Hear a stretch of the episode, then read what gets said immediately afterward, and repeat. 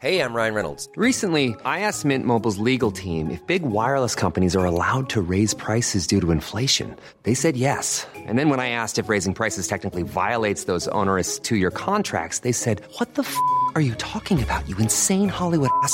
F- So to recap, we're cutting the price of Mint Unlimited from $30 a month to just $15 a month. Give it a try at mintmobile.com slash switch. $45 upfront for three months plus taxes and fees. Promo rate for new customers for limited time. Unlimited more than 40 gigabytes per month. Slows. Full terms at mintmobile.com. Hi, I'm Daniel, founder of Pretty Litter. Cats and cat owners deserve better than any old fashioned litter. That's why I teamed up with scientists and veterinarians to create Pretty Litter. Its innovative crystal formula has superior odor control and weighs up to 80% less than clay litter.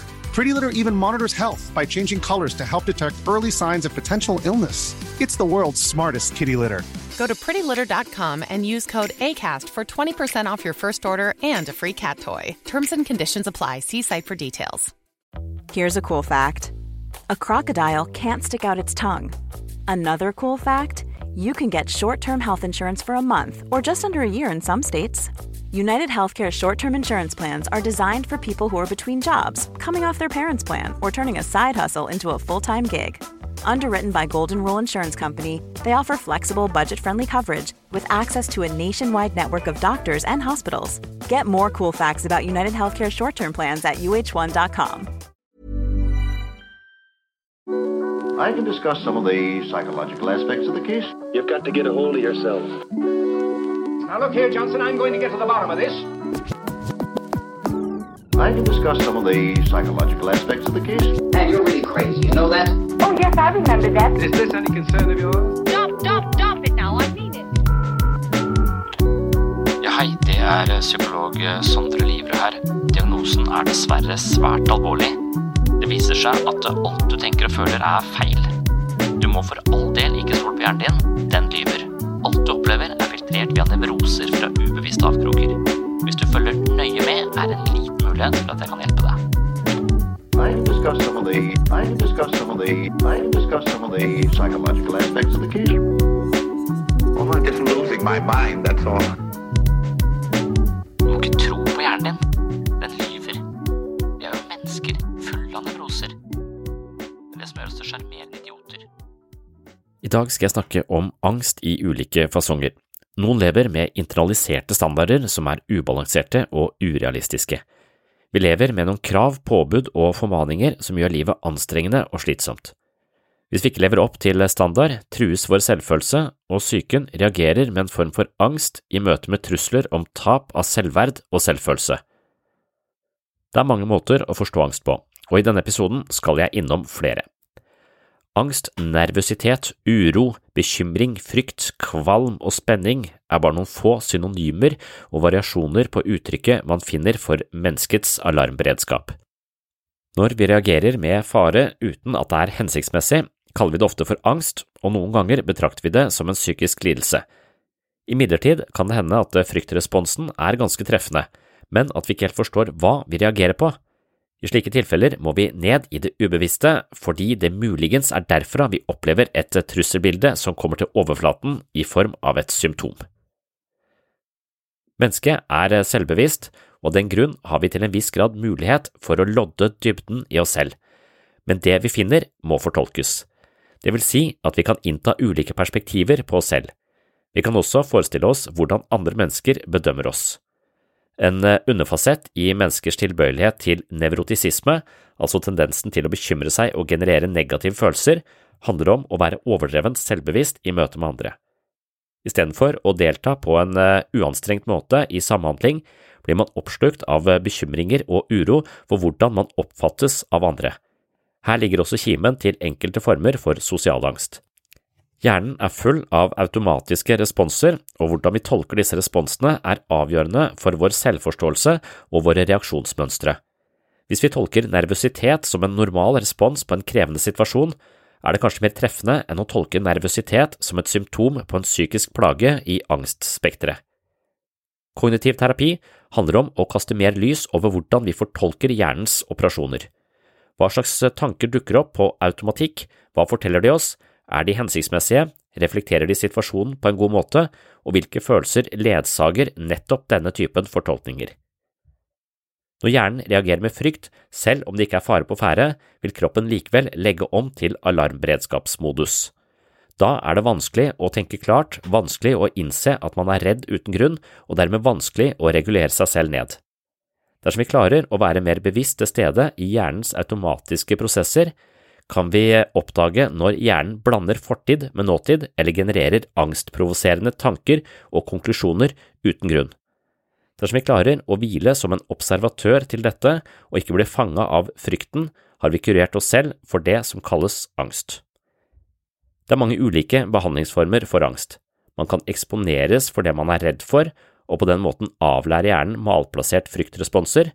Man kan også være mer bevisst til stede i hjernens prosesser, og det er nok den beste og mest gjennomgripende strategien.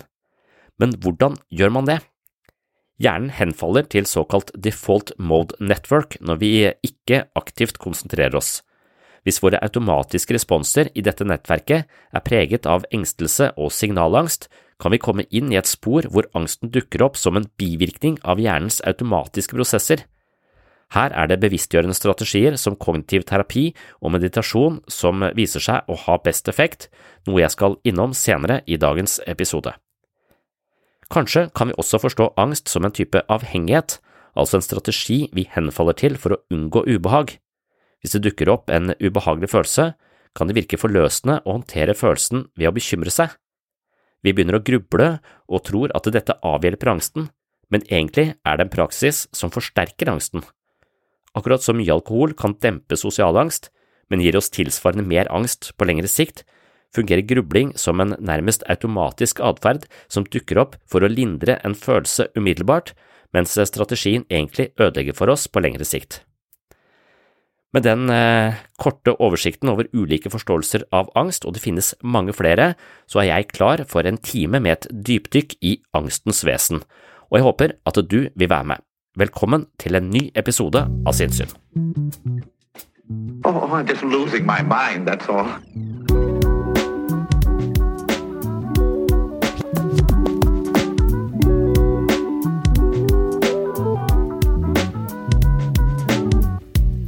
Da blir temaet angst, da. Et eh, relevant tema hvis man er et menneske. Vi har snakket litt om denne forskjellen i forståelser av angst, så jeg tror kanskje vi skal begynne litt med det, altså se på ulike forståelser av eh, fenomenet angst. Hvis man da går litt eh, tilbake i historien, så har jo ikke angst vært klassifisert som en, noen lidelse tidligere, i tidligere tider. Det er det har vært kjent, og det har vært et eh, fenomen som man har eh, visst om og kjent på kroppen, selvfølgelig. Men det har ikke nødvendigvis blitt sett på som, en, eh, som noe patologisk.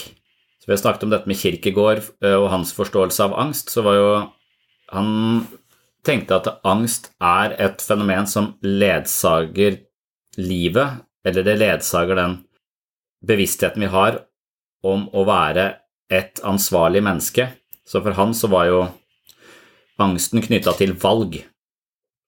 Så friheten vi har til å velge, og den bevisstheten vi har om at de valgene vi gjør, får konsekvenser for oss og livet vårt, og den tyngden det da er å være et uh, bevisst menneske med ansvar for seg selv, når vi har det på skuldrene våre, så, så kjennes det ut som en uh, Ja, at det, det, er rett og slett Han sa jo at angst er oppstår i sekundene før vi tar et valg. Så tar vi et valg nesten hele tiden. Så det er denne livsbevisstheten, eller denne selvbevisstheten om at vi, vi, har en viss tid her på jorda, og valgene våre får konsekvenser for hvordan eh, den tiden fortoner seg.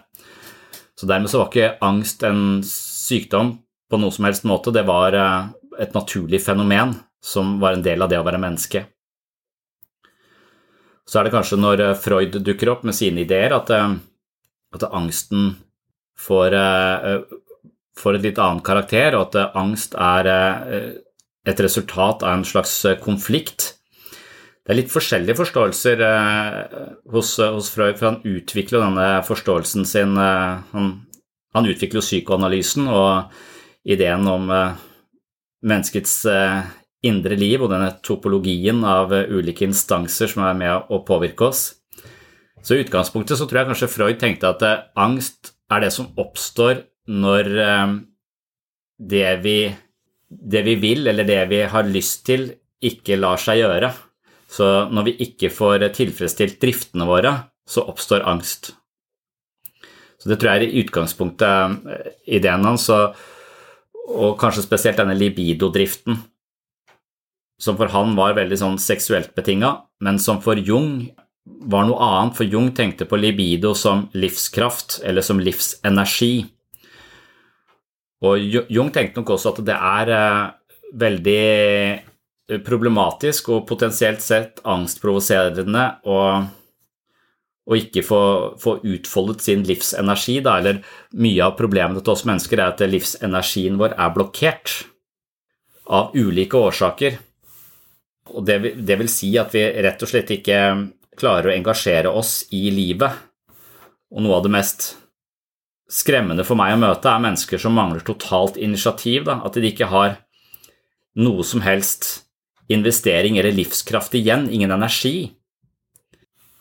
Fordi noen mennesker kan være forbanna og irriterte og såra og alt det der. Det, da, da, har ting en betydning, det er en energi der. Det er noe å jobbe med. Men helt uten energi så er det, så er det nesten sånn helt eh, som om man er død i livet, da. Så det å finne ut av hva som blokkerer livsenergien vår, kan være et veldig sånt psykodynamisk eh, prosjekt. Finne ut av hvorfor eh, vi ikke tillater oss selv å gjøre det vi, det vi ønsker. Og, og, for mange så er jo det vi ønsker angstprovoserende eller eh, litt forbudt, og dermed så bruker vi masse psykisk energi på å holde det unna livet. Og det er nettopp den der psykiske energien vi bruker på å undertrykke ubevisste impulser som vi anser som skadelige eller skremmende eller forbudte, det krever også veldig mye av vårt mentale apparat, så da har vi veldig lite igjen til altså Det er den samme energien som brukes der, som vi kunne brukt på å være interesserte og nysgjerrige og vitale. Og det er jo den eh, videreføringa av Freud sin eh, idé, er at eh, angst oppstår når vi undertrykker følelser, og de følelsene truer med å komme til overflaten så er rett og slett det som oppstår da, er en Han kaller det signalangst. Det kommer et signal om at nå er det fare på ferde. For alle de følelsene som du nå har undertrykt, de, er, eh, de murrer fra det ubevisste, og de truer med å bryte igjennom dette forsvaret ditt og komme inn i, i, i bevisstheten. Så nå må du eh, ta deg sammen. For, eh, for Freud så var angst noe som oppstår det handler om en konflikt mellom ulike behov og samfunnet for øvrig, og moral og etikk og alt dette her. Og, og, vi har dette forsvaret som da må jobbe mer eller mindre hardt for å, for å koordinere og tilfredsstille de ulike instansene, sånn at ego kan finne en, en god balanse. Så Freud selv var jo eh, Jeg leste akkurat at han, han, var redd for tog, eller han hadde angst for tog. Og i hans forståelse så er det fordi at han så moren sin naken på et tog og for han så hadde jo dette veldig, Den libidodriften hadde jo veldig mye med seksualitet å gjøre, og at seksualiteten var knytta til eh, forelder av eh, motsatt kjønn i en periode. Og når han da eh, hadde ubevisste eller forbudte følelser for moren sin, og dette skjedde på et tog, så har han projisert denne frykten for denne situasjonen ut på toget, undertrykt dette med, med, med moren, og så er det toget han da er, er redd for. Og spørsmålet er hva moren til Freud gjorde naken på et tog. Det for da tenker jeg det kan være mer omfattende omsorgssvikt uh, ute og går. hvis, hvis mora di er blotter. Jævlig usikker på hvorfor hun skulle absolutt være naken på toget. Men vi snakket litt i går i en sånn gruppe om angst også, at da ut ifra undertrykte følelser er jo litt greit. Det er, det er den teorien om at, uh, om at det både at angst og depresjon henger så tett sammen. Det er en sånn freudiansk forståelse av at med en gang du undertrykker impulsene dine, livsenergien din, følelsene dine, ofte raseriet ditt, sinnet ditt, så, så, vil du bli litt tammere som menneske. For du vil ikke kunne eh, bruke den altså For det første så waster du mye energi på å holde de impulsene på avstand. Samtidig så er det mye livskraft i de impulsene hvis de kanaliseres på en riktig måte. Så mye av eh, det å leve et godt liv handler jo da om det han kalte sublimering som en sunn forsvarsmekanisme. Klare kultivere eller kanalisere denne energien på en sånn måte at den ikke blir aggressiv eller skadelig for verken deg selv eller andre, men kan brukes på en konstruktiv måte. Da. Mens hvis vi ikke finner noen sånne prosjekter, så undertrykker vi eh, impulsene. Så da, da, da undertrykker vi f.eks. raseriet, Og når vi ikke kan bruke det som en eh, potent livskraft lenger, så vil vi eventuelt oppleve depresjon, for gnisten i livet blir borte, samtidig som vi vil oppleve angst fordi at eh, disse undertrykte impulsene truer med å bryte gjennom forsvaret vårt. Så, så det er liksom den eh, litt sånn Ja, som vi lever i en konfliktsituasjon, da. La oss si en grense mot et annet land hvor det er uvennskap. Så her må vi hele tiden vokte grensa. Vi er redd for at det, de, de, skal komme over og overvelde oss. Og det er det, Så Følelser som vi på en eller annen måte tenker kan overvelde oss, de prøver vi å holde unna, unna livet. Med hjelp av masse forskjellige forsvarsmekanismer. Og, så får du spesielle typer eh, angst også, ifølge Freud. For du, har et superego hvor alle disse kravene og 'dette må du, dette burde du', så, sånn, eh, det er det riktige. Altså alle foreldrenes formaninger er internalisert i et, eh, et superego som vil gjøre ting riktig og på riktig måte. Og så er det dette ego som må høre litt på superego, og som også må forholde seg til verden der ute.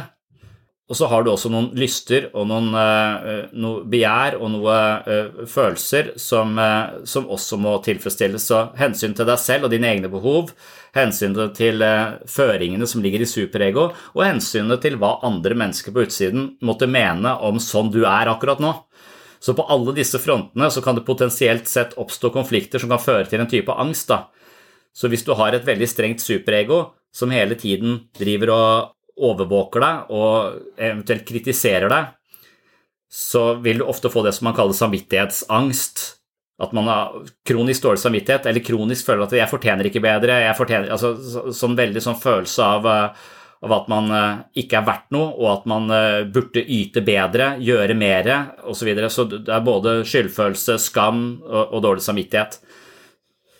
Så, så konflikten mellom ego og superego vil, eh, vil, da handle om samvittighetsangst, mens konflikten mellom, mellom id, altså de undertrykte impulsene, dette begjær og følelser osv., og, så og hva som er akseptabelt å uttrykke, som ego også må kontrollere, det vil føre til en type nevrotisk angst, kaller han det. Altså at det er følelser og impulser vi ikke vi syns er eh, eh, på en eller annen måte opplever som enten skremmende eller upassende, flaue. Vil ikke, vil ikke. Så, så, ego må liksom da drive oss og megle mellom disse, disse, tingene. Samvittighetsangst, nevrotisk angst. I tillegg så kan vi ha en uh, slags eksternalisert form for superego, hvor vi har en idé om hva andre mennesker mener vi burde være hele tiden. Så, så frykten så, så Godt nok at vi tenker vi har inni oss selv en sånn følelse at jeg burde vært sånn, jeg burde vært sånn, jeg burde gjort det, jeg burde klart det bedre, jeg må få så og så gode karakterer. Men så kan du også tenke de andre menneskene mener at jeg burde være blidere, jeg burde være hyggeligere, jeg burde være mer gjestfri, jeg burde være morsommere. Altså at du, du også projiserer mye av disse strenge standardene ut på andre mennesker i møte med andre mennesker. Og da, da vil plutselig ditt eget superego gjøre seg på en måte rett og slett har hjemsøkt folkene du møter, da, og du projiserer en hel haug av krav ut på, så, som du selv må tilfredsstille. Og da kanskje det oppstår en sånn type sosialangst, typisk, at du ikke føler du aldri strekker til eller aldri er god nok. Så ut ifra denne freudianske modellen kan vi se for oss veldig mange ulike typer eh, av, eh, av, angst. Og så kan man ha et helt sånt biologisk perspektiv på angst. At uh, angst altså I utgangspunktet så er jo frykt en mekanisme som skal sørge for overlevelse, selvfølgelig. Så det, så det, har, en, det har, en, hensikt. Og når vi fødes inn i verden, så har vi både et panikksystem og et fryktsystem. Og Ifølge Freud da, så er de første 18 månedene det er en sensitiv fase knytta til dette med avvisning og nærhet. Så vår største trussel som barn, det er å bli forlatt. Og hvis vi blir forlatt, så aktiveres panikksentrene, og det stopper produksjon av endorfiner, sånn at vi føler en form for smerte og begynner å gråte for å påkalle oss oppmerksomheten fra foreldrene. Så det er en mekanisme knytta til panikk som handler om separasjon, og den slår inn hver gang barnet føler seg alene eller ikke ivaretatt. Ideen da er jo at eh, hjernen er litt som en muskel, og at den utvikler seg i sensitive faser. og Hvis vi stimulerer en del av hjernen i de sensitive fasene, så vil den delen av hjernen vår blir godt trent. Vi får en sterk muskel, og hvis det er en sterk panikkmuskel, så er det som om man kan ta med seg den panikkenergien inn i voksenlivet, på sett og vis, eller at man har investert såpass mye trening i panikksentrene i en sensitiv fase at man får en muskel som, eh, som man bruker, som man får en slags uvane. Hvis man er vant til å sitte veldig feil på stolen, så er det vanskelig å bryte den vanen. Det er sånn jeg pleier å sitte, så tar jeg med meg det inn i voksenlivet, og så reagerer jeg med panikk i små separasjonssituasjoner som bare symbolsk ligner det jeg var redd for eh, som, eh, som liten. Og så har vi også det med at eh, når barnet var redd, så, så er dette det oralstadiet. Så, så fikk det en pupp i munnen eller en tåteflaske, for da var det ivaretatt. Det fikk mat, det ble ja, det, det, det, overlevde. Min egen sikkerhet er besørget av min omsorgsperson ved at jeg får noe i munnen, og at jeg holdes eh, i et fang.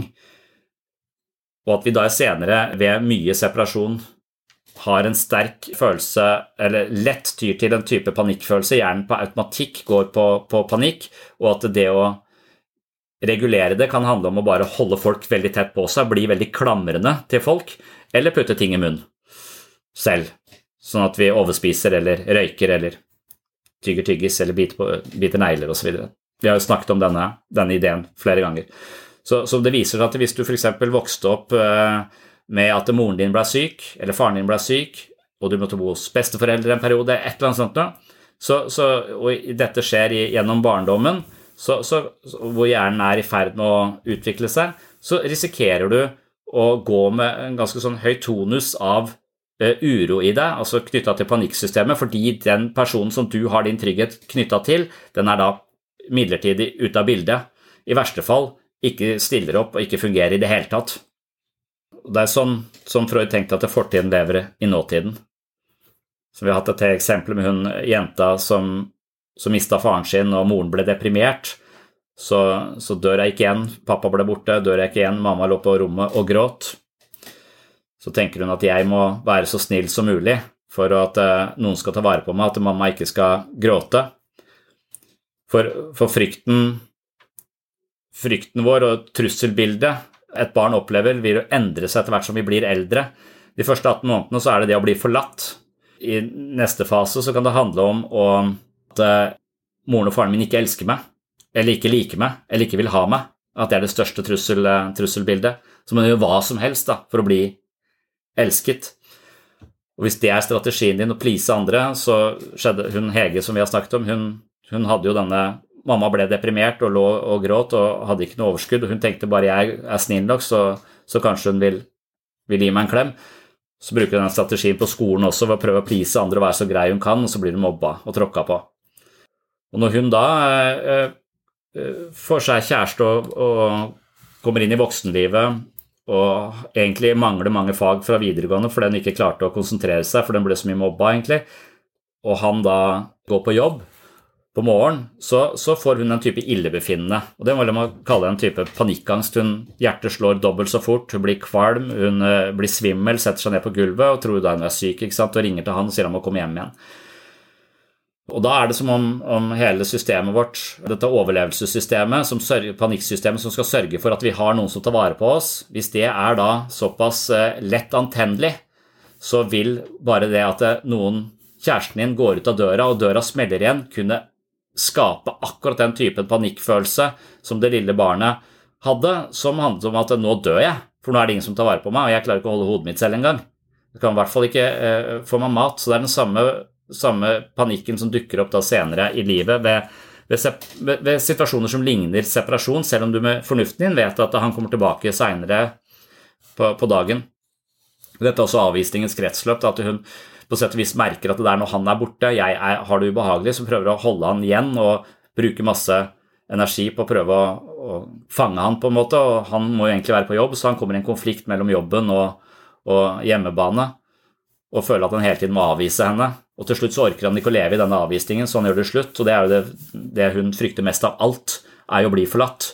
Og hennes da klamrende måte overfor andre sørger nettopp for at hun blir forlatt til slutt. Og det er sånn skjebnesironi at det verste som skjedde med oss når vi vokste opp, det kan ha veldig lett for å gjenta seg i, i voksenlivet pga. sånne type mekanismer. Så da har du en type panikkangst gående eh, her sånn, eller det går fra angst til en sånn følelse at når han har gått, så hun, har hun høyt angst, angstberedskap en periode, føler at hjertet kommer ut av kroppen, og så vil det avta litt, og så kommer hun inn i en fase hvor hun bare tenker på Kommer han snart hjem?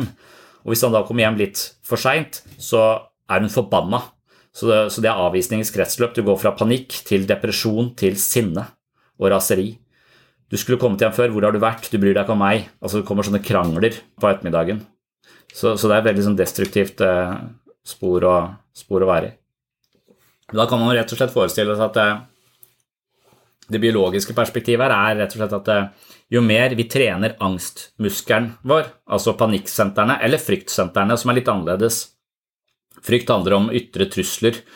Det bør være godt justert, da, fordi at eh, det Freud kaller realangst, det er den følelsen av frykt som er berettiget når du møter noe som faktisk er farlig. Men hvis du vokser opp med foreldre som truer med å forlate deg, så vil det ofte være panikksystemet, altså en type avhengighet du utvikler. Men hvis du vokser opp med foreldre som er sadistiske og vil deg vondt, så er ofte fryktsystemet aktivert veldig mye. Det er ytre trusler mot din sikkerhet. Eller hvis du har opplevd overgrep eller et eller annet faenskap, så er det ofte fryktsentrene. Når fryktsentrene aktiveres for mye, er sånn oversensitivt, så, så vil du ofte bli lammet av en sånn type mistillit til nesten alt og alle, og du får en mer sånn unnvikende, engstelig, paranoid beredskap hele tiden, som også handler om angst eller uro. Så forskjellige måter å, å forstå angst på. En, en, helt ny forståelse som jeg ikke har tenkt så mye på. Det er, ikke, det er egentlig kanskje bare en lik forståelse, men det bare ha en litt annen valør det er å forstå angst som avhengighet. Eller egentlig ikke, men, men å forstå avhengighet som mestringsstrategier. Altså, hvis vi, vi tenker at avhengig, det å ha en avhengighet, som de fleste mennesker har, det er som regel en mestringsstrategi for å løse et problem. Og det kan være at grubling og bekymring osv. ligner litt på dette. Så ser for seg at Vi snakket om det at hvis vi en vi driver og løser problemer i den ytre verden, så finner vi løsninger som gjør livet vårt mer komfortabelt. Så istedenfor å kjøre med hest og kjerre, så konstruerer vi en bil. Altså vi hele tiden løser problemer sånn at livet vårt blir enklere. Og livet blir enklere og enklere. Eh, og den typen problemløsning i den ytre verden viser seg å fungere ganske godt. da. Vi får det bedre og bedre. Men hvis vi gjør det samme på, på innsiden, hvis vi bruker den samme problemløsningsstrategien på vårt eget mentale liv, så, så vil vi finne gode løsninger som tar vekk f.eks. ubehagelige følelser og smerte i øyeblikket, men som på lang sikt ikke har noen eh, spesielt eh, gunstig effekt. F.eks. hvis du har sosial angst, da, så hjelper det å drikke 18 øl. Hvis jeg drikker 18 øl, så ble pumpa sannsynligvis, altså det hadde jeg ikke tålt, men, eh, men da, du drikker så mye at, eh, at, angsten forsvinner, og det er en veldig fornuftig strategi, for da har du ikke lenger angst. Men de fleste vet jo at, eh, at du får i bøtter og spann dagen etterpå omtrent dobbelt så mye, og du betaler med renter.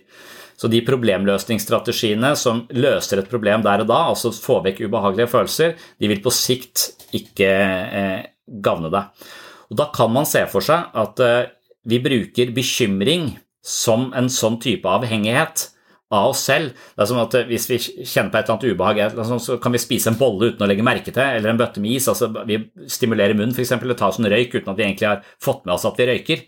Altså At det, ting bare skjer på, på, autopilot, og autopiloten har installert mestringsstrategier som kan være potensielt sett skadelige for oss så kan vi også se for oss at hver gang det dukker opp en ubehagelig følelse som ikke er klar over at det truer med å komme til overflaten engang, så vil autopiloten vår plukke det opp og føre oss inn i en strategi som den mener er det mest hensiktsmessige for å få vekk den følelsen.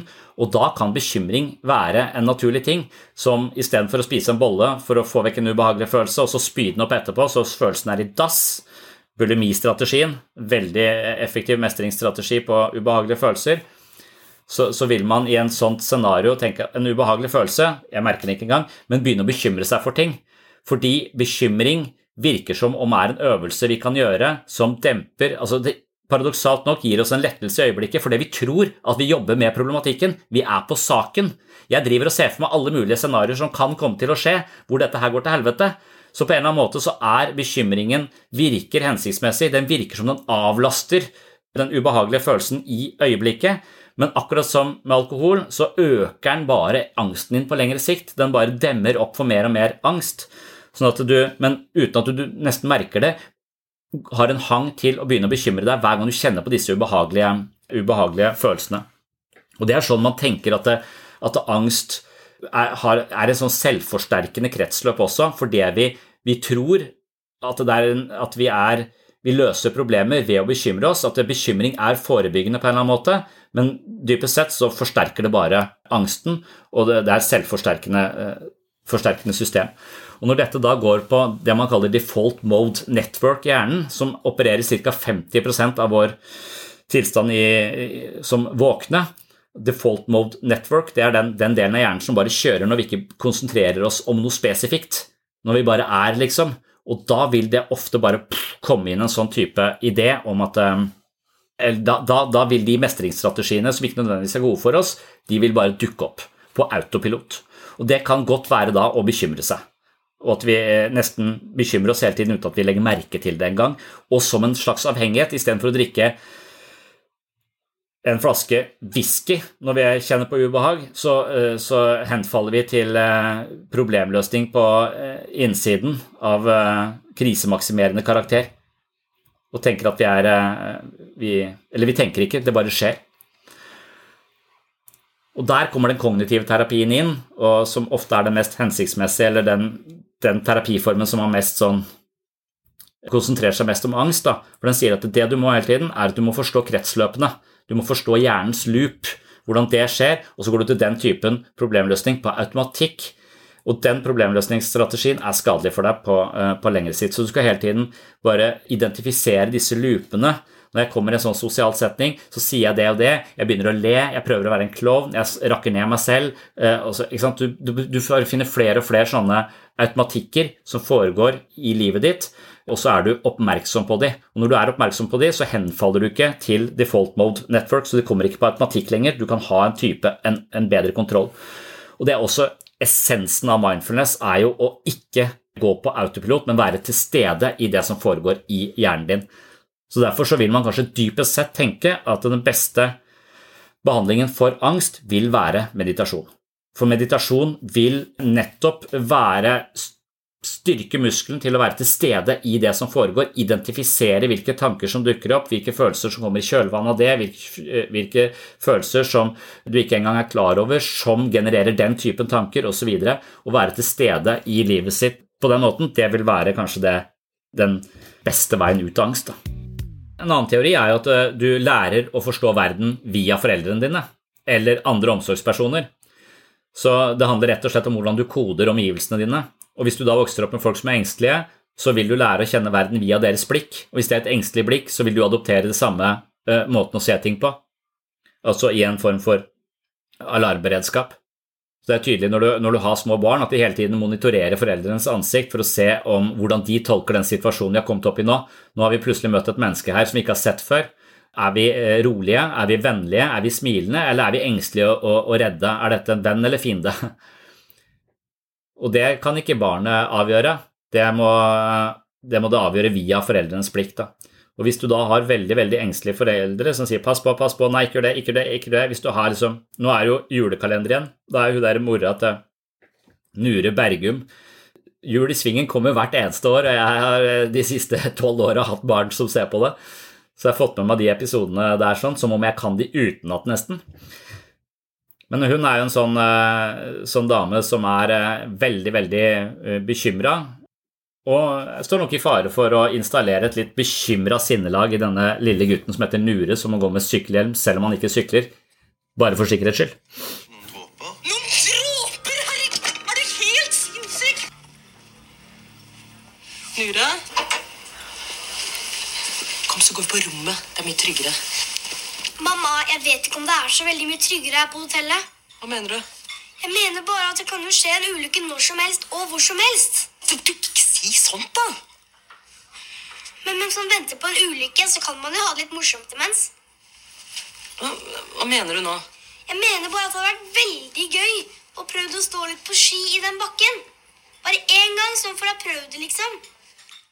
Du kan skade deg. Ja, men det kan jeg jo her på hotellet òg. Det er mye tryggere her.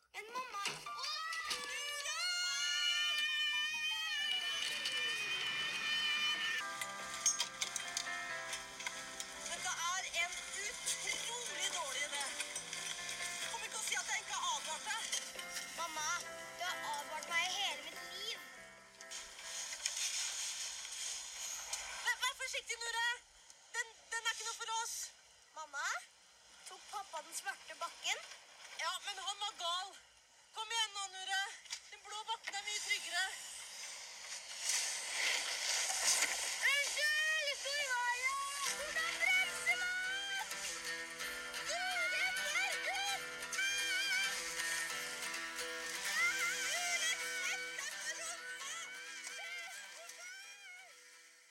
Så det er en sånn rollemodellæring, eller rett og slett at vi blir litt det vi omgås. Vi, vi får litt av det samme verdenssynet som, eh, som de menneskene vi har tettest på oss, eller det miljøet vi vokser opp i.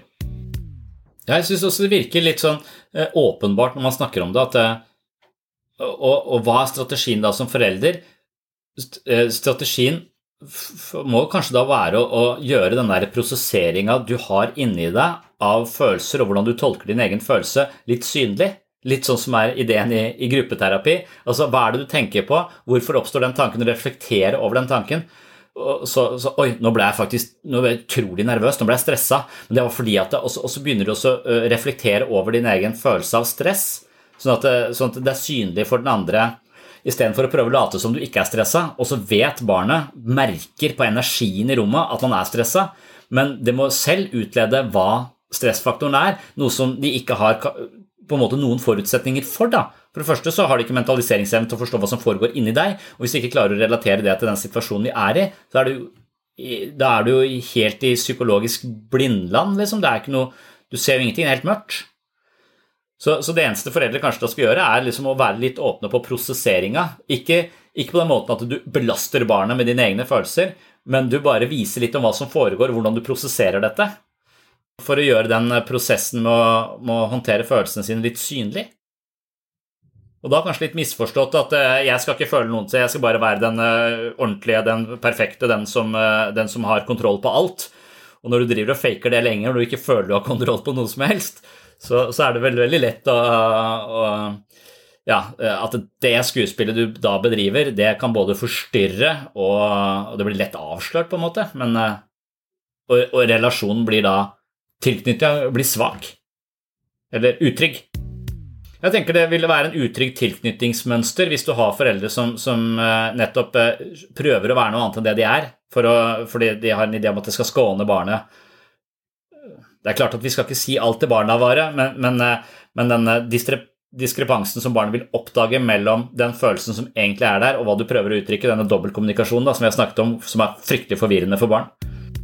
Det er sikkert derfor barnet er så sårbart. for det, det, har ikke, det har liksom ikke språket til å kalibrere sine egne erfaringer med. Når de ikke har språket, som er en helt egen verden liksom, av, eh, av å plassere ting og, og konseptualisere ting osv., så videre, så, sånn at det kan eh, forstås i en sånn riktig kontekst, sånn, så, så, er du ganske hjelpeløs. Det er bare følelsen av ubehag bare rett i hjertet, rett i magen. Many of us have those stubborn pounds that seem impossible to lose, no matter how good we eat or how hard we work out. My solution is PlushCare. PlushCare is a leading telehealth provider with doctors who are there for you day and night to partner with you in your weight loss journey. They can prescribe FDA-approved weight loss medications like Wagovi and Zepbound for those who qualify. Plus, they accept most insurance plans. To get started, visit plushcare.com slash weight loss. That's plushcare.com slash weight loss. Ever catch yourself eating the same flavorless dinner three days in a row? Dreaming of something better? Well, HelloFresh is your guilt-free dream come true, baby. It's me, Gigi Palmer. Let's wake up those taste buds with hot, juicy pecan-crusted chicken or garlic butter shrimp scampi. Mm. Hello Fresh. Stop dreaming of all the delicious possibilities and dig in at HelloFresh.com. Let's get this dinner party started. Life is full of awesome what ifs and some not so much, like unexpected medical costs. That's why United Healthcare provides Health Protector Guard fixed indemnity insurance plans to supplement your primary plan and help manage out of pocket costs. Learn more at uh1.com. Det er derfor man også sier at de skadene som skjedde på det tidligste tidspunktet, er sannsynligvis de som er vanskeligst å, å få bukt med senere i livet, fordi det ligger så dypt. Det ligger på et førspråklig nivå, liksom. Så denne angstmuskelen som du trente opp fra 0 til 18 måneder, du husker ikke de situasjonene hvor det dukket opp, men, nå, men likevel, i voksen alder, så vil lignende separasjonssituasjoner generere den samme typen automatikk, for det har blitt eh, lagt inn i kodeverket ditt, liksom med, med måten du, du, reagerer på. Mens hvis du opplever noe traumatisk i voksen alder, så kan det godt hende at det også blir ganske, kan bli ganske ille, men du kan likevel kanskje filtrere det via forståelser og, og ulike språklige kategorier som, som, kan fortelle deg at ja, det skjedde den gangen, var jævlig uflaks, men sjansen for at det skjer igjen, er veldig liten. Istedenfor at oi, hvis dette kan skje, så kommer det til å skje igjen, og alle mennesker som ligner den personen, er livsfarlige, de må jeg holde meg unna. Jeg tror faktisk jeg skal ikke gå ut.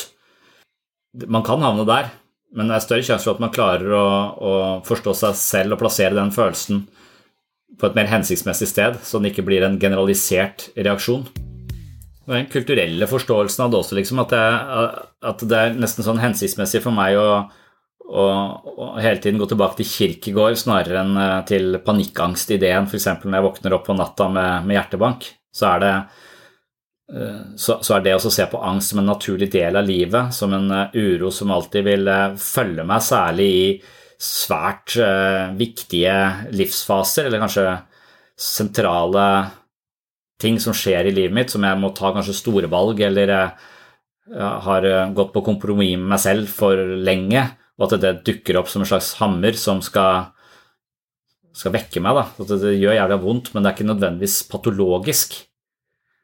Så det er hva slags, hva slags perspektiv du legger på din egen angst, vil også være litt avgjørende for hvordan du håndterer den, eh, den angsten, og hva du gjør med den. For Hvis du tenker på det som, eh, som, sykdom, noe som skal vekk, som vi har snakket om, så, så er det lett å tenke at dette, dette, handler ikke om å gå inn i meg selv og prøve å finne ut av hvordan jeg har det med verdiene mine. Det handler bare om å, at eh, jeg må få denne følelsen vekk, så jeg må ha noen medisiner, eller Det er interessant å se om mestringsstrategiene våre for å håndtere ubehagelige følelser som eh, sender ut dette angstsignalet, at nå er det fare på ferde hvis du, hvis du, da, sånn som vi snakket om forrige gang, med, med, eller for et par ganger siden, med personlighetstypen introvert-ekstrovert, om den introverte vil være mer tilbøyelig til denne type avhengighet, hvor de begynner å gruble og spekulere og bekymre seg, eh, at de løser problemer på, in, på, på den indre arenaen, mens den eh, mer ekstroverte kjenner på en ubehagelig følelse og går ut i verden og henter inn ei bolle for å regulere den samme samme følelsen, om det er en ekstrovert strategi å bare gå på fest eller drikke eller bare være sammen med masse folk eller jobbe mye for å distrahere seg selv fra følelsen, mens den uh, hangen til grubling og bekymring og, og, engstelse vil være mer nærliggende for den introverte. Men Det vet jeg ikke, men det, det kunne, man kunne tenke seg, tenke seg noe sånt. Og så driver man jo også eksponeringsterapi. Det er mer sånn atferdsorientert men veldig ofte knytta til mer sånne spesifikke fobier.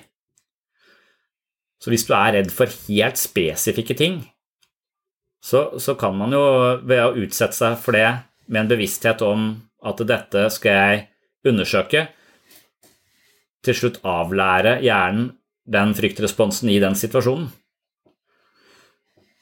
Og det gir jo, gir jo mening. Så det, det, har god effekt på spesifikke fobier, tror jeg, men når det gjelder mer Men jeg tror kanskje den, de fleste menneskers angstopplevelser er litt mer komplekse. Så selv om vi klarer å avlære en spesielt, så, så viser det seg også at denne eksponeringsterapien er ganske kontekstspesifikk, så, så det skal ikke så mye forandring til på konteksten før du går tilbake til det gamle reaksjonsmønsteret ditt. Men eh, det har jo absolutt en, en, en effekt. Men kanskje man må, må koble inn litt ulike forståelser av, eh, av, angst for å virkelig liksom sørge for at man ja, både ta en Moderna og en Pfizer, da, sånn at det er sånn kryssvaksinert, så det er litt bedre eh, rusta, på sett og vis. For hvis du tenker edderkoppfobi, er bare fordi jeg har opplevd noe traumatisk med en edderkopp, mens du også tenker at ah, edderkopper det er en symbolsk kvalitet. altså Edderkopper symboliserer noe uforutsigbart, de spinner nett, de er assosiert med djevelen i Bibelen. og så Hvis du går den eksistensielle veien og tenker at dette er bare toppen av, eh, av isfjellet, på en måte, min synlige, det er den synlige manifestet elementet i min, i min uro, men den skal bare vise meg vei til en mye dypere, et dypere nivå som, som, blokkerer meg på en eller annen måte, eller som, eh, som representerer en konflikt i meg. Og Det er litt sånn som eh, den psykodynamiske tradisjonen ville sagt. At det er, det er, et eller annet med energien din blokkert av en type frykt som handler om en eller annen konflikt som ikke ble løst, mens det kommer til uttrykk på overflaten som edderkoppfobi eller en eller annen litt sånn spesifikt symptom. da. Og da, da, er jo selve den dynamiske, psykodynamiske prosessen er jo å, å rett og slett eh, oversette symptomet til en større forståelse.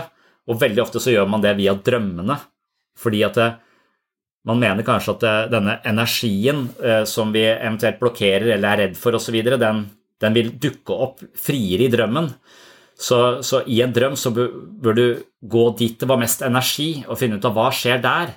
Og så er det kanskje bare Jeg drømte at jeg sykla veldig fort på en sykkel, så hva, og, og, så må du jobbe med den. Det er bare slags, et slags symbol på, på, på, på, noe helt annet. Så må du jobbe videre med, med å finne ut av hva er det jeg ikke tør, hva er det jeg eh, ønsker, hva er det jeg egentlig vil, men jeg ikke tillater meg selv.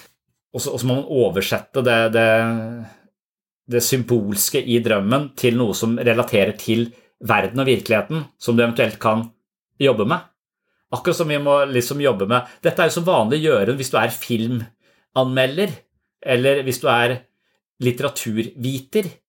Så leser du ikke bare bøker og gjenforteller akkurat hva de handla om. Du finner, du finner liksom eh, den, Du finner budskap i underteksten, hva dette skal formidle hva dette skal si på et, eh, på et generelt nivå. Hva symboliserer det å bli omgjort til en bille hos Kafka? Hva er det for noe? Hva er det å være en bille som ligger på ryggen og ikke kommer seg rundt? Hva slags følelse gestalter det? Hjelpeløs? Hvordan føler du deg hjelpeløs i livet ditt? Altså, den, den, transformasjonen fra drømmen til, til, eh, til elementer i vårt våkne liv ganske kan være ganske spennende og viktig. Eh, viktig distinksjon, for jeg, jeg tenker på avhengighet alltid som ikke en sykdom, men som en mestringsstrategi. De fleste avhengigheter virker som er en løsning. Det er, ikke, det er egentlig kreative løsninger på konkrete problemer og som, som, er skadelig for oss. Så det å se, se, avhengigheter som løsningsstrategi tror jeg er en ganske fin måte å se det på. Og når du da tenker at det, det å gruble vil være en type avhengighet, altså en løsningsstrategi på en, et eller annet uh, psykisk ubehag, så, så, vil den grublinga men, men, problemet er at den oppstår i det man kaller dette default mode-networket. Det er din, din go-to når de problemene oppstår, uten at du nærmest er med på det. Det er sånn kroppen eller sånn psyken din løser problemer av seg selv på autopilot. Hver gang jeg føler litt ubehag, så tar jeg meg en øl. Altså jeg, og jeg legger ikke merke til at jeg går til Jeg er kanskje et helt annet sted. Altså jeg, er ikke, jeg er ikke til stede i livet mitt, det bare går på autopilot. Mens jeg tror når du setter deg ned og tenker på din egen drøm som, en, eh, som på samme måte som du analyserer en film, så er det ikke default mode network lenger. Da er du aktivt, bevisst til stede i opplevelsen og følelsen, noe som også vil være forskjellen på eksponeringsterapi og det å bare leve livet sitt og bite tenna sammen og stå i det dag ut og dag inn. Altså, hvis eksponeringsterapi hadde, hadde funka, så hadde det jo bare vært å holde ut i det jævla ekteskapet, da. Om jeg holdt ut i 20 år har ikke, ikke, Jeg har jo ikke eksponert meg vekk fra at jeg har lyst til å drepe mannen min likevel. Jeg har bare ber lyst til å drepe han. Så for det er, det er en forskjell på å bare være i noe og det å aktivt gå inn og og være til stede i situasjonen, i livet, i følelsen og finne ut av hvilken følelse er det som er så skremmende. Hvorfor reagerer jeg på akkurat den, eh, på, på den måten? Hva symboliserer denne frykten for edderkopper egentlig? Hva slags ting kan jeg Akkurat som uh, Freud kommer tilbake til naken mor på toget, men vi kan jo komme tilbake til helt andre eksistensfilosofer. vil komme tilbake til uh, ensomhet, frykt for å dø, livet er endelig. Mange sånne, sånne, ting som vi ikke orker å tenke på. Og når vi har forsømt å tenke på det lenge nok, så vil det dukke opp som et symptom. Og da når du går inn i det da, så gjør det med bevissthet. Du gjør det ikke som grubling og bekymring, sånn um, automatisk negativt tankekjør. Når folk snakker om tankekjør, så det, har de ofte litt problemer med å gjengi akkurat hva det er de driver med. Det virker som om det er bare noe som en slags sånn hamsterhjul som de bare går i, uten at de egentlig klarer å identifisere hva de egentlig, og dette kjøret består av. da. Så det virker som en ubevisst form for tenkning, nærmest, som, som uh, ofte da Ja, alkohol også er en måte å være mer ubevisst på. Og når vi da havner tilbake i bevisstheten, så kommer det som Ja. Så jeg vet ikke, jeg tror det er bare motivasjonen inn i det. Altså oppmerksomheten din, tilstedeværelsen i prosjektet ditt. Så når vi snakker om bekymringstanker som en mestringsstrategi eller som en avhengighet, så er det fordi det går på autopilot. Og autopiloten styrer 50% av livet vårt, og når 50% av livet vårt tyr til den type mestringsstrategier som bare genererer mer av den følelsen av uro og angst, så er vi på et ganske Det er som å, er som å gå på helsestudio hver dag det, og trene panikkmuskelen din. Det er det motsatte av, å, av det man egentlig ønsker å oppnå på et helsestudio. Man ønsker å oppnå bedre helse, sterkere muskel, løfte kroppen sin på en bedre måte, være mer i kontakt med Mens når man bare eh, ikke beveger seg og sitter kroka foran PC-en, så forfaller, eh, forfaller kroppen. Det er kanskje ikke noe å skryte av, liksom, eller, sånn, eller i hvert fall ikke noe som er så uh, attraktivt å ha. Da. Sånn, jeg har den sterkeste panikkmuskelen i hele Norge. I løpet av en time kan jeg bekymre meg mer enn hele Kristiansand klarer på en hel uke. Jeg er norgesmester i å krisemaksimere og bekymre meg. For jeg får aldri sove. Det er både lett og vanskelig på samme tid å være observatøren, for det å observere er jo, kan høres ut som en aktiv operasjon. Men eh, du skal ikke tro på tankene dine, du skal observere dem. Eller du skal eventuelt ikke tenke tankene dine, du skal observere tankene. Og jeg eh, klarer ikke helt å artikulere hva som er forskjellen eh, på dette her, men jeg mener jo at fotballeksempelet mitt er det som for meg er mest sånn tydelig i livet, da. At jeg kan liksom stå og se på en fotballkamp. og Jeg er ikke noe sånn, jeg bryr meg egentlig ikke om fotball, jeg bryr meg bare om det laget jeg trener. ikke sant, Min datter på det, på det laget. Men jeg kan stå der, og jeg kan observere det. Men jeg kan også stå der og gjøre, spille den kampen for dem og være til stede Du må ut på vingen, ut på vingen! Ut på, og, så, og, så, gjør jeg alle de motoriske operasjonene som handler om å løpe ut på vingen og ta imot ballen der. Så, altså, jeg er sikker på at det, all motorikken inni hodet mitt At jeg spiller en hel fotballkamp inni hodet mitt fordi jeg skal påvirke Jeg skal være til stede jeg, jeg, jeg har en slags idé om at jeg kan påvirke kampen ved å bare tenke hardt nok på hva de burde ha gjort, som de ikke gjør! Og når jeg fanga det, så, så, er jeg helt sånn Jeg er svett etter kampen. helt sånn der, jeg er utmatta på en sånn psyko måte. Jeg er mer utmatta enn når jeg selv har spilt en fotballkamp. Fordi jeg, for, ja, jeg tror på tankene. Jeg tror på sett og vis at jeg kan påvirke kampen ved å bare tenke hardt nok på hva de burde gjøre, eller eh, rett og slett gjennomføre de motoriske operasjonene som jeg syns at de burde gjort. Og, og, det er noe sånn veldig energisk. Jeg blir veldig sånn eh, i kampen. Det er helt utmattende, men jeg kan også observere det å puste og hvile som en observatør til det som foregår, og vel vitende om at det, men, men, jeg har en slags rar idé om at det, jo mer jeg bryr meg, jo mer investert jeg er i dette, jo bedre går kampen.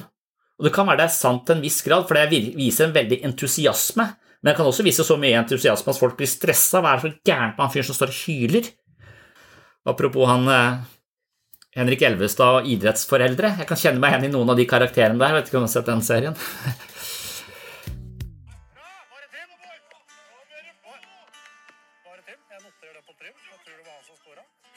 Magne Eriksen er fra Årvoll, Oslo. Er pappaen til uh, Trym her, som er fotballproff. Eller har som mål å, å bli fotballproff. Spiller i dag såkalt semiproff, eller non-proff, om det skal være helt presis. Spiller i hvert fall fast på Fremad i, i fjerdedivisjon. Jeg spiller jo ikke fast. Så godt som fast. Spiller Trym. Ja, se Trym, se Trym er. Styr av ballen, Trym. Nei, du må ikke sette deg på ræva der, Trym. Spiller Trym. Hæ? Fortsett! Ja. Ja, som gir beskjed til spillerne. Jeg, ja. ja. Ja, jeg trodde ikke han hørte etter. Vi har jo en uh, kortsiktig plan. Du vet ikke om du vil dra den, Trym? Ja, det er jo å spille seg en fast på Fremad, da. Nei, det er jo ikke fast. Du, du er jo fast. Altså jeg tenker på opprykket, jeg nå. Ja, gutta, vi setter opp en uh, firkant. Trym starter i midten. Så har vi jo en mer langsiktig plan. Nei, drit i den, da. Og det at Trym skal jo være i norgestoppen innen han er Nå er du 26, og 29. Du er ikke ja. Er du blitt 29? Ikke sant? Dette her har jo Trym jækla godt av. ikke sant? Å få løpt mye uten ball. Ferdigheta med ball er jo ikke så mye å si på. Litt av problemet er jo at Trym begynte å spille da han var eh, ti, og da hadde jo de andre begynt for lengst. Sånn sett så er vi jo to-tre Altså, du er jo 28. Men, men, men det er så stor forskjell. Jeg kan ta, meg- da kan jeg bevisst ta meg i det. Puste. Bare se på det som foregår foran meg. Ikke tro at jeg skal spille den kampen selv. Og at det er noe av forskjellen mellom å være observatør og være i default mode og bare gruble, krisemaksimere. Det, så må jeg gjøre det, og hvis det skjer, så kan det skje, og da, jeg, altså, de, og da kommer de sikkert ikke til å like meg, bla, bla, bla. Det er som å spille kampen for meg. Men så observere hodet mitt genererer sånne type tanker som jeg uansett ikke kan kontrollere. Du er på fotballkampen på den måten at du blir utslitt av det. Det å så krabbe inn i ryggraden på noen, er, det er altså gjenkjennelig. Altså, å tro at det vil eh, At man rett og slett kan fjernstyre det andre mennesket, bare man vil det hardt nok. Men som sagt så er det noe bra med det engasjementet, for, for jeg syns det også er litt gøy å være så engasjert på en fotballkamp. Problemet er at vi ikke, når vi ikke har kontroll på det, og det bare går av seg sjøl, og at vi ikke har et bevisst forhold til at det, halvparten av kampen så kan jeg bare observere det. Halvparten av kampen så kan jeg gå inn i det og føle at jeg spiller og blir litt svett, for det er litt greit å være litt svett og litt til stede og litt på pulsen i livet også. Så det er den der muligheten til å velge sin egen deltakelse på den måten der, sånn, som jeg tror er mental frihet. Så jeg tror ikke det ene er dårlig. Det ene er veldig pulserende og livskraftig, og, og det er et voldsomt engasjement i det. Men hvis det, du ikke kan kontrollere det, så blir du utslitt. Og hvis du har destruktive tanker og sosialangst og alt sånt, så er det ofte det man, eh, det man bare faller inn i uten muligheten til å innta en mer observerende posisjon til seg selv. Tenke 'oi, nå begynner hjertet mitt å slå fortere'. 'Oi, nå får jeg, føler jeg ikke får, uh, får puste'. Det er interessant. Det pleier, det, det, det, nå skal virkelig forstå dette her, for nå er det en sånn typisk situasjon hvor jeg eh, eh, rødmer og stammer og ikke får fram et eneste ord. Og hva er det ved denne situasjonen jeg kan lære noe nå? Altså, opprettholde det observerende perspektivet og se på det som kommer nå som litt interessant, istedenfor 'faen, nå må jeg bare uh, ta meg sammen', nå må jeg bare eh, ja, den krigen du har med deg selv, da. Fotballkampen, nå må de vinne! Flint er en liten fotballklubb fra Tønsberg hvor ting har gått rolig for seg i over 100 år. Helt fram til nå. Hei! Fuck deg, da! Hæ? Jævla kødd! Faen, idiot! Gå og sett deg ned. Faen, ass. Dette er Jon Arne Riise, og han har blitt trener for Flint, klubben i mitt hjerte. Det er skam å se hvor lette feil vi gjør. Hei! Ja da! Vi har en kollega her som ofte kommer ned til, meg fordi at hun oppfatter meg som likesinna. Det vil si altså likesinna. Eh, for at hun, hun blåser seg veldig fort opp på ting, da. Og hun merker at jeg også gjør det, for at jeg er engasjert i noen ting. Jeg kan skrive noen kronikker, jeg kan bli forbanna, jeg kan uttrykke meg sånn. Men jeg bare mener at forskjellen på oss to er at jeg, jeg er forbanna for gøy. Eh, Jeg syns det er litt gøy å være sånn sint, og så kan jeg, kan jeg bare legge det fram og si jeg har på en måte et valg, men jeg føler når hun blir sint, så blir hun sint på ordentlig. Og det er forskjellen. Vi brenner like mye for dette, men du er sint på ordentlig. Jeg er ikke sint på ordentlig. Jeg, bruker, jeg har en annen mulighet til å gå inn og ut av det. Og, og jeg syns det er litt sånn gøy å være, eh, være sint, så det er en kraftig følelse. ikke sant? Så, bare, så, så, så hvis man har muligheten til å, til å bare gå inn i den, være i kampen, og også bare gå tilbake og så puste og så se, få oversikt over kampen, så er det den bevegelsen der sånn. Og da, og, og da, men da må du vite at alt som dukker opp i hodet ditt, ikke er sannheter, for da blir det så jævlig alvorlig.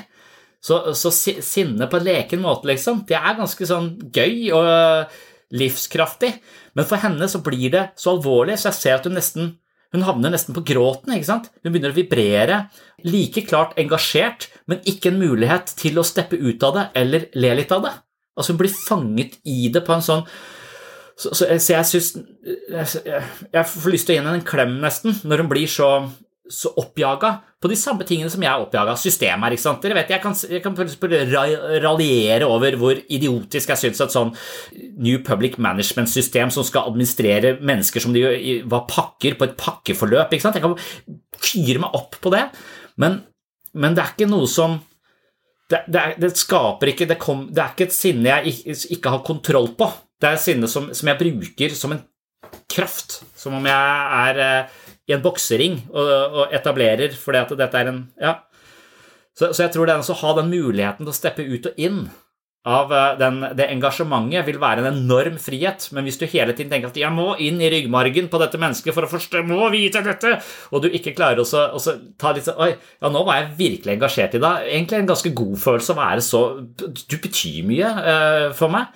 Og så puste i den type tak, nesten takknemligheten for at du bryr deg så mye om, om New Public Management, som er mine uh, hatting. Ja, jeg tenker vi er like på verdier. At hun, hun kjenner igjen en del av de samme verdiene, de samme interesseområdene, samme engasjementet. Så, så, så jeg tenker vi er ganske like. Men jeg er bare redd for at eh, alvoret hennes blir så stort at hun ikke klarer å, å få puste i alvoret i det. For hun ser det Jeg ser det også som alvorlig. Jeg ser på global oppvarming som alvorlig, men idet jeg mister nattesøvnen og ikke får puste, så er jeg jo helt sjanseløs. Så, så jeg tenker vi er ganske like på, på, på en del ting, og jeg kjenner igjen raseriet, og jeg blir nesten litt sånn eh, Ja, eller så, litt som å være på en rockekonsert når hun begynner å prate. Ja, ja, det ikke sant? Og, og, og så, men så ser jeg at hun på et eller annet tidspunkt ikke er leken lenger. Og at dette, har, eh, dette, dette går s- s- marter henne på en sånn Fordi det ble så alvorlig. Så hun har ikke den lekne fleksibiliteten som vi har snakket om mange ganger her, som jeg tenker er så altavgjørende for å kunne håndtere kjipe ting. At vi kan være litt leken, lekne i det.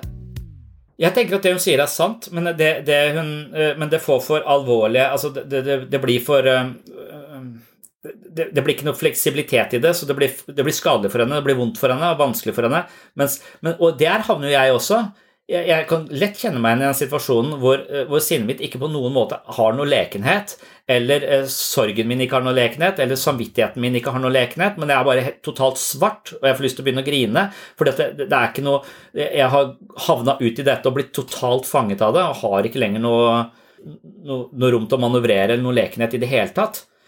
Og, det, det, det, og det, kan, tror jeg alle mennesker kan falle inn i. Og når jeg vet at sånne situasjoner kan komme For jeg kan jo komme i diskusjoner med mennesker hvor det ikke er noe lekent lenger. Hvor vi krangler. Og, og jeg blir helt dust. Og da er ikke sinnet mitt noe lekent. Da er sinnet mitt bare eh, to, totalt Jeg er totalt oppslukt av det. Og da er det ikke noe gøy, eh, noe gøy men, men hvis du vet at dette engasjerer deg så mye, så, så tror jeg den derre default mode network Du må være litt bevisst. Nå skal jeg inn i denne situasjonen hvor jeg kommer til å føle mye. Og, og da har du skrudd på observatøren inn i det. Og det er så viktig for meg huske på å skru på observatøren hver gang jeg går i en situasjon som jeg vet blir litt betent. Enten det er terapi, eller det er å møte familie i et juleselskap, eller hva faen det skal være for noe. da. Så hvis jeg har glemt å skru på observatøren, så havner jeg i en eller annen eh, diskusjon hvor kona mi blir så flau at hun eh, ikke vil snakke med meg på to uker. Herregud, han trøkker jo i seg den ribba som det skulle vært hans siste måltid. Det kan det jo kjapt bli. Ja, siden ingen av dere hadde tid til å hente meg i dag, så måtte jeg ta en taxi hit. Ja, det var veldig dumt at det ble sånn. Yes, da er vi i gang. Da kommer det en rasistisk kommentar om tre, to, én. Det var en eh, svart sjåfør, da. Men eh, jeg syns ikke han var eh, sjenerende svart. Å herregud, som jeg gleda meg til den ignorante drittgenerasjonen der dør ut, altså. Men så bra at han ikke var for svart for deg, da, bestemor. Jeg kan se årene hans tette seg til helt herfra. Du, tante, tusen, tusen takk for julegaven, altså. Det var midt i blinken. Jeg tenkte kanskje du trengte en kokebok. Jeg holdt på å si Det kan virke litt sånn. Jeg skal gi deg ei bok om sosial intelligens. Hvor lenge må jeg være her? Veldig hyggelig at dere inviterer til selskap i år igjen, altså. Så det er veldig pris på. Bare hyggelig, Ken. En kjempetrivelig tradisjon. Hvor lenge må jeg være her? For en gjeng med tapere. Når jeg blir stor, skal jeg feire jul på Bahamas med Justin Bieber. Oi da. Feis jeg nå? Og det er det Forsvaret er der for. De er også å beskytte oss for eh, de følelsene som vi ikke klarer å leke med. Men hvis vi klarer å inkludere de følelsene med litt mer eh, fleksibilitet, så, så vil forsvaret vårt kunne være mindre i beredskap. Vi trenger ikke være på sånn rød beredskap som vi er på nå, i forhold til pandemi eller hva det skal være. Så, så kan vi liksom bruke mindre energi på forsvar og mer energi på nysgjerrighet og, og interesse og, og, lek. Da. Så det er nesten som et land også som enten er i konflikt eller ikke i konflikt. Nå har vi som levd i et land i, i 70-80 år som ikke har vært i konflikt med noen andre på en sånn alvorlig måte på veldig, veldig, veldig lenge. Så det var en helt annen, annen frihet. Takk for at du hørte på Sinnsyn. Det er altså mange måter å forstå angst på, og jeg forsøkte å touche borti noen få av de i dagens episode. Vil du høre mer om ulike forståelser av angst, så kan du jo bla deg tilbake i sinnssyn-katalogen, men du kan også gå til patron.com for segs sinnssyn, hvor jeg har laget en episode som heter Episode 70 Ulike forståelser av angst og det er som kjent via Patron-supportere at jeg får den støtten jeg trenger for å holde hjula i gang her på Sinnsyn. Så hvis du finner verdi her på podkasten og ønsker å støtte prosjektet, og vil ha masse ekstramateriale, så kan du også gå til patron.com for segs sinnssyn og bli medlem på mitt mentale treningsstudio. Da får du masse flere episoder av sinnssyn, du får mentale øvelser, meditasjonsveiledning, jeg leser bøkene mine sånn at de blir omgjort til lydbøker der inne, altså selvfølelsens psykologi og jeg, meg selv og selvbildet, og det er masse videomateriale som ikke postes andre steder. Så for deg som ønsker å støtte prosjektet og vil ha mer sinnssyn, så er altså patron.com for segs sinnssyn stedet å gå.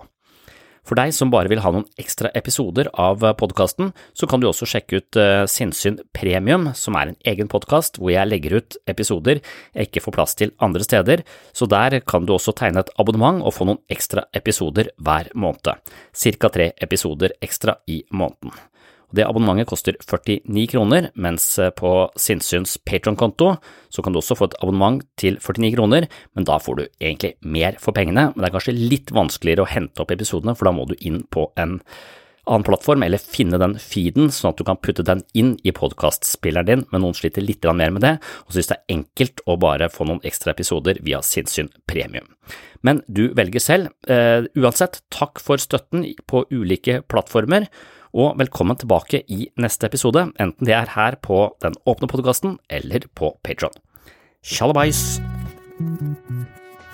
Oh, I'm just losing my mind, that's all.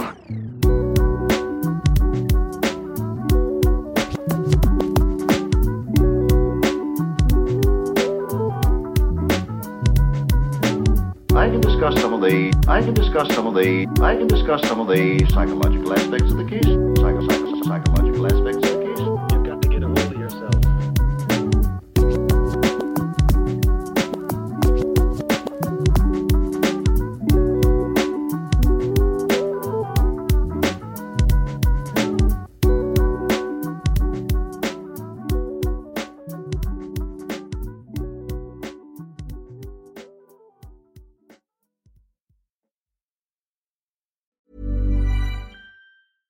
Ever catch yourself eating the same flavorless dinner three days in a row? Dreaming of something better? Well, HelloFresh is your guilt free dream come true, baby. It's me, Gigi Palmer. Let's wake up those taste buds with hot, juicy pecan crusted chicken or garlic butter shrimp scampi. Mm. Hello Fresh. Stop dreaming of all the delicious possibilities and dig in at HelloFresh.com. Let's get this dinner party started.